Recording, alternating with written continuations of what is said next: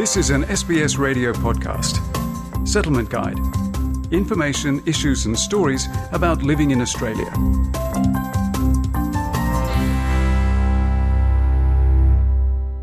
SBS acknowledges the traditional custodians of country and their connections and continuous care for the skies, lands, and waterways across Australia.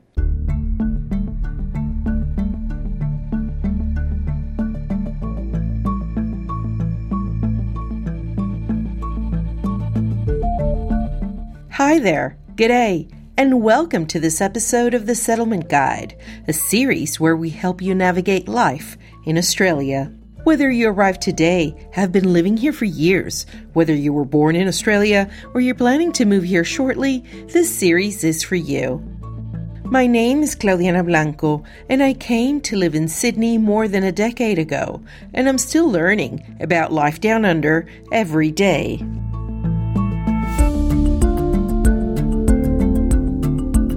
Today we will explore how to shield your superannuation savings.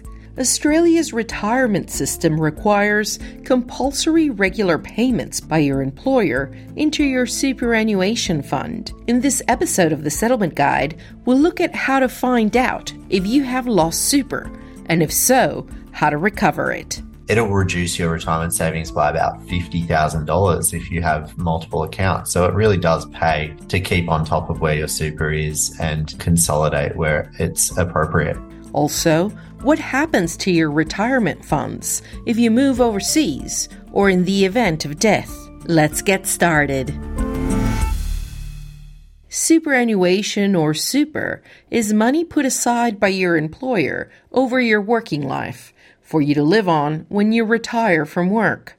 It is compulsory for your employer to pay a percentage of your earnings into your super account, and your super fund invests the money until you retire. In Australia, there are measures to ensure that individuals don't irreversibly lose their superannuation savings, even if an account has been inactive. If your contact details have changed and the provider is unable to reach you, they are required to transfer the unclaimed superfund to the Australian Taxation Office, or ATO.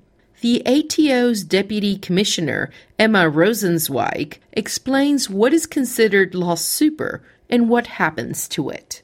Lost super is super money that's held by superannuation funds where the fund has lost contact with you and your account's been inactive, so it hasn't been receiving contributions. Super funds will hang on to that lost super until they find you, but they do report it to us so that we can try and help you find it through ATO online services as well.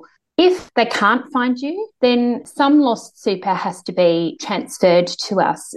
Once the ATO holds unclaimed super, the agency takes steps to reunite the money with its rightful owner. If you think you have lost super, it is best to search for it through the ATO's online services.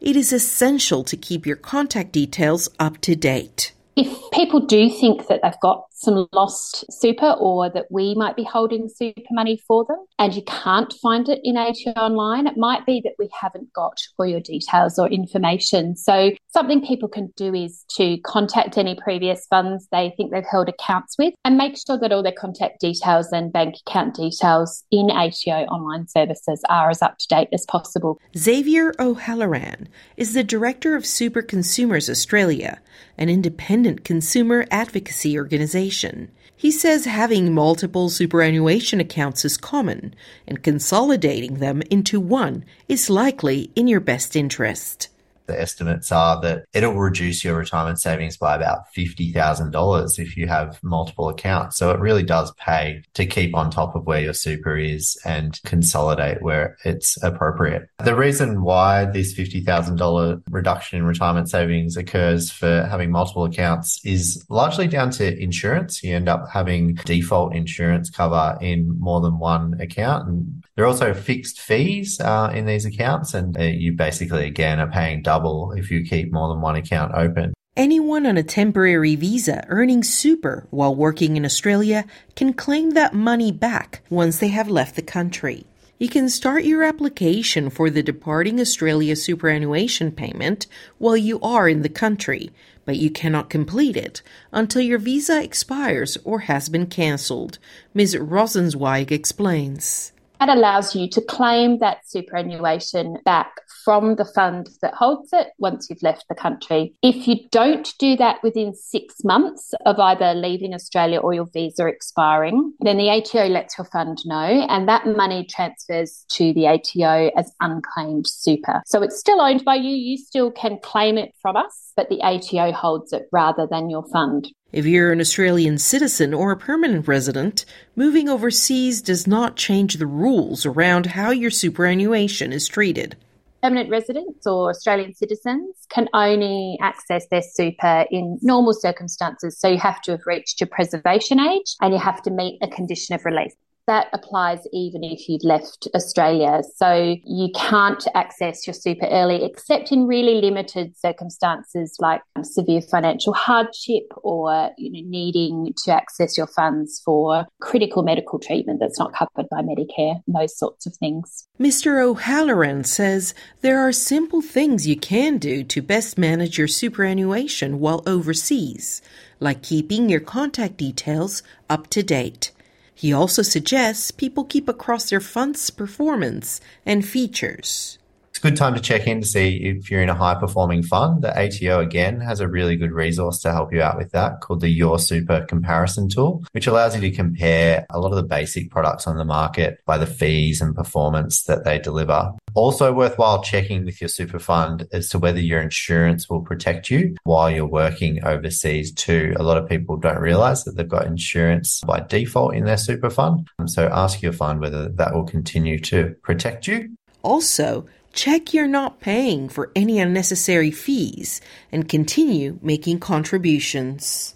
The average fee on the market, if you've got about a $50,000 balance, would be about 1% per annum that you'd be paying out each year in fees. There are definitely offers on the market that are a lot less than that. They're closer to half a percent. So it's worth shopping around to make sure that you're in a really low fee account and your savings aren't eroded while you're overseas. And of course, you can look to continue to contribute and make sure that your retirement savings continue to grow even if you've moved to another country. It is also best practice to nominate your super beneficiaries in the event of death.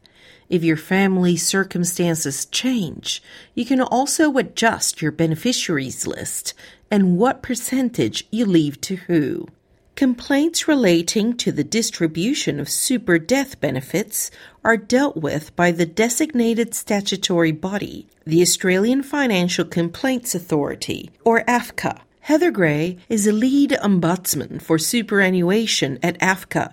She says a common misconception is thinking super is part of your estate by default people often don't realise that the superannuation money is not part of the estate. It's important for people to consider when they pass away who should receive their superannuation death benefit. Because for a lot of people, it's their most significant asset, perhaps after the family home. And people might consider their estate more generally and maybe make a will, but they won't necessarily get advice and make arrangements for their superannuation. When trustees are communicating what they're proposing to do with a super death benefit, they are obliged to inform concerned parties. They can contact AFCA within 28 days to appeal the decision if they believe it's unfair. The decision is then assessed, and a binding determination on the complaint is issued. Ms. Gray says complaints often arise over a trustee's decision people who've got complex family situations. So perhaps they do have children from more than one relationship. Maybe they've got a legal spouse, but they're separated from that spouse and they've also now got a de facto spouse. Maybe if they've got young children from that new relationship if they're able to spend some time considering how their superannuation should be distributed and put that document in place with the fund, that can mean that a lot of arguments are resolved. This involves lodging a binding nomination of beneficiaries. And most funds allow you to make a binding nomination. So that's a legal document which sets out who you want to receive your superannuation if you die. And then, as long as it's valid and you've nominated people who are actually dependents for superannuation law purposes, the trustee has to abide by it. Thank you for listening to this episode of The Settlement Guide, written and produced by Zoe Thomaidou and hosted by me, Claudiana Blanco. The Settlement Guide managing editor is Rosa Germian. Until next time.